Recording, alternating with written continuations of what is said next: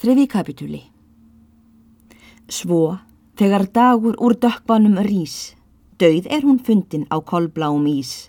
Snjókvíta fannblæju lagði yfir lík, líknandi vetur, en miskunnar rík, sól móti sveininum lítur. Jóð há.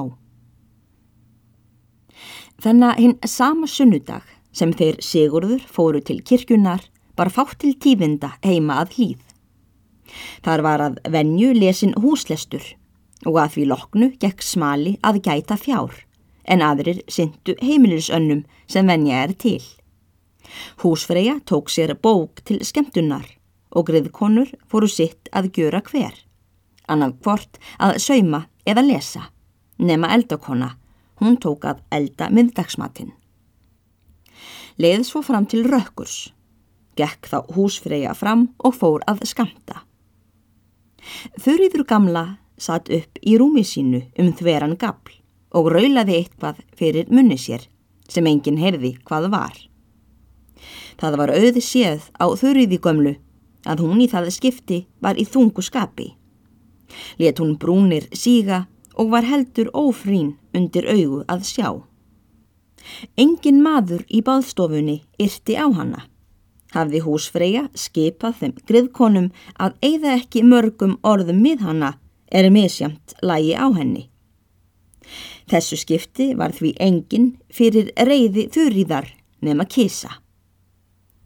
Þar var á bænum læða einn gulbröndótt.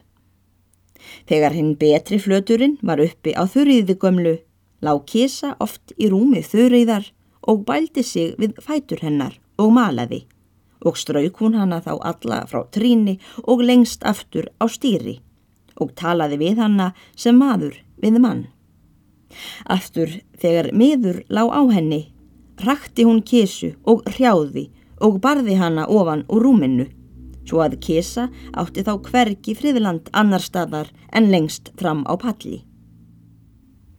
Nú þótt að branda væri allara katta vitrust um margt, var þó ekki jafnan að hún af hugviti sínu gæti séð í hverju skapi þurriður kerling var í hvert skipti og svo var að þessu sinni.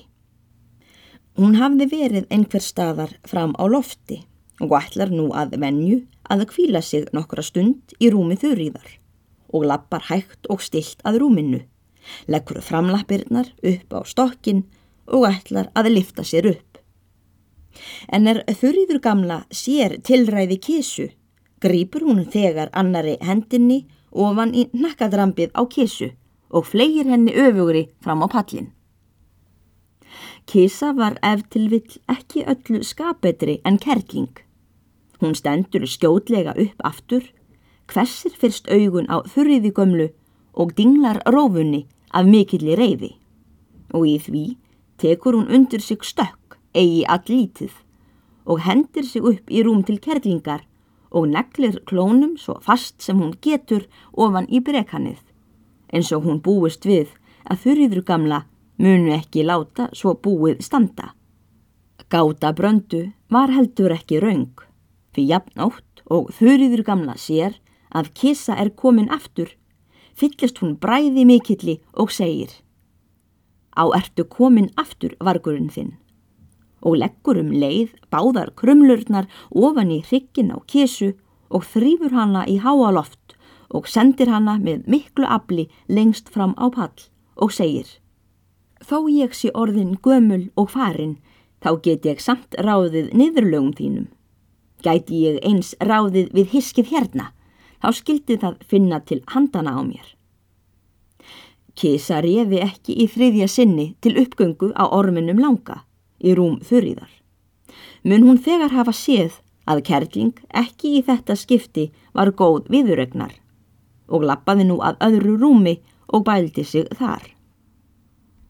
Um þetta leiti var húsfreyja farin að skamta og bar ein af griðkonum askana jafn óðum frá henni og setti upp á pallskórina.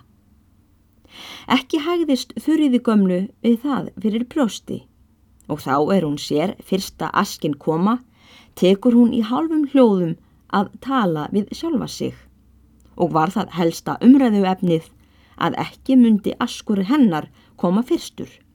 Slíku mætti hún venjast, að hún væri minnst metin. Hún mætti muna fífil sinn fegri, að henni hefði ekki verið skamtað síðastri af fólkinu.